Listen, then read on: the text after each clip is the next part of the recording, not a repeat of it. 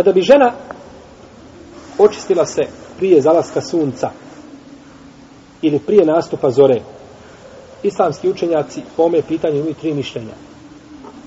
Prvo je mišljenje da je obavezna, ako se očisti prije zalaska sunca, da je obavezna klanjati podne i kindiju.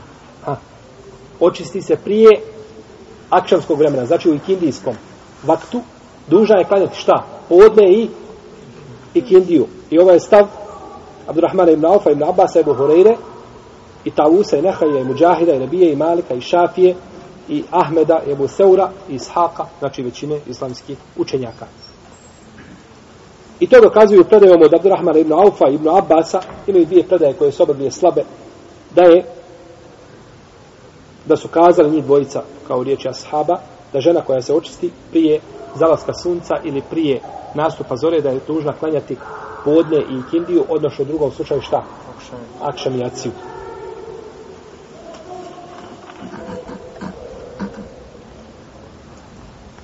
Kažu da je podnevsko i kindijsko vrijeme da imaju dodirne šta? Tačke.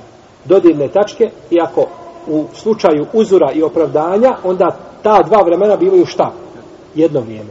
Kažu ovdje je uzur. Žena je bila jeli, u vremenu hajza i očistila se i nakon toga a, duža je klanjati a, oba dva namaza, jer tada bivaju, ima jedno namasko vrijeme u stvari. Drugo mišljenje, mišljenje hanefijskih učenjaka i Seurija i Katade i Hasan al-Basrija, da je dužna klanjati samo dotiči namaz. Znači, duža je klanjati samo šta? Ikindiju ili jaciju. Ikindiju ili jaciju. Ako se očisti, znači prije zalaska sunca i prije nastupa čega? Zore. To dokazuje hadisom poslanika sallallahu alejhi u kome stoji ko stigne od namaza jedan rekat stigao je na taj namaz. A, ko stigne ne rekat od namaza stigao je šta na taj namaz. Kaže ovdje je došlo ko stigne na jedan rekat od namaza. Od kog namaza? Koji je u tom šta? Vaktu. Stigao je taj rekat. Ne spominju se nikakve drugi namaze. Nego je bitno dobro šta? Taj namaz. I šarijet ga veže tim namazom i logika potvrđuje da je podnesko vrijeme šta? Prošlo i da je došlo ikindijsko i da treba kajati samo šta? Ikindiju. Imamo treće mišljenje koje zastupa ima Malik po drugom mišljenju i ima Meleuzaji ako ima dovoljno vremena za oba dva namaza, klanjat će oba dva namaza.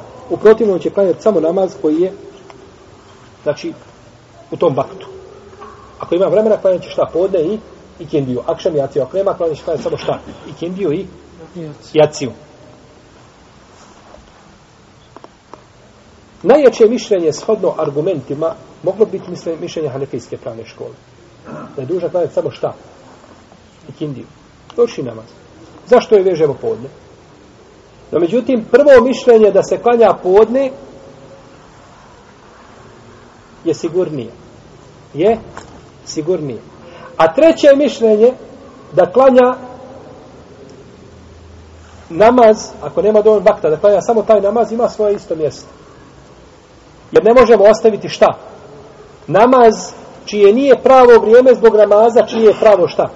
Vrijeme. Tako da sve tri mjesta, svi te mišljenja imaju svoje mjesto, a kažemo prvo je najsigurnije, a uzvišen je Allah najbolje zna. Iako mišljenja hanefijskih pravnika ima svoje mjesto. No međutim, da li je postupak ashaba i tabina bio suprotno tome, Allah najbolje zna. Uglavnom, to je odabrala većina u uleme. Odabrala ga je većina uleme i ima svoje mjesto s odno općim ciljima šerijata, tako da neće sve to znači da žena klanja podne i kindiju, a ako klanja samo kindiju, nećemo kazati šal da je pogriješila, jer postoje vidno razilaženje ovaj među islamskim učenjacima.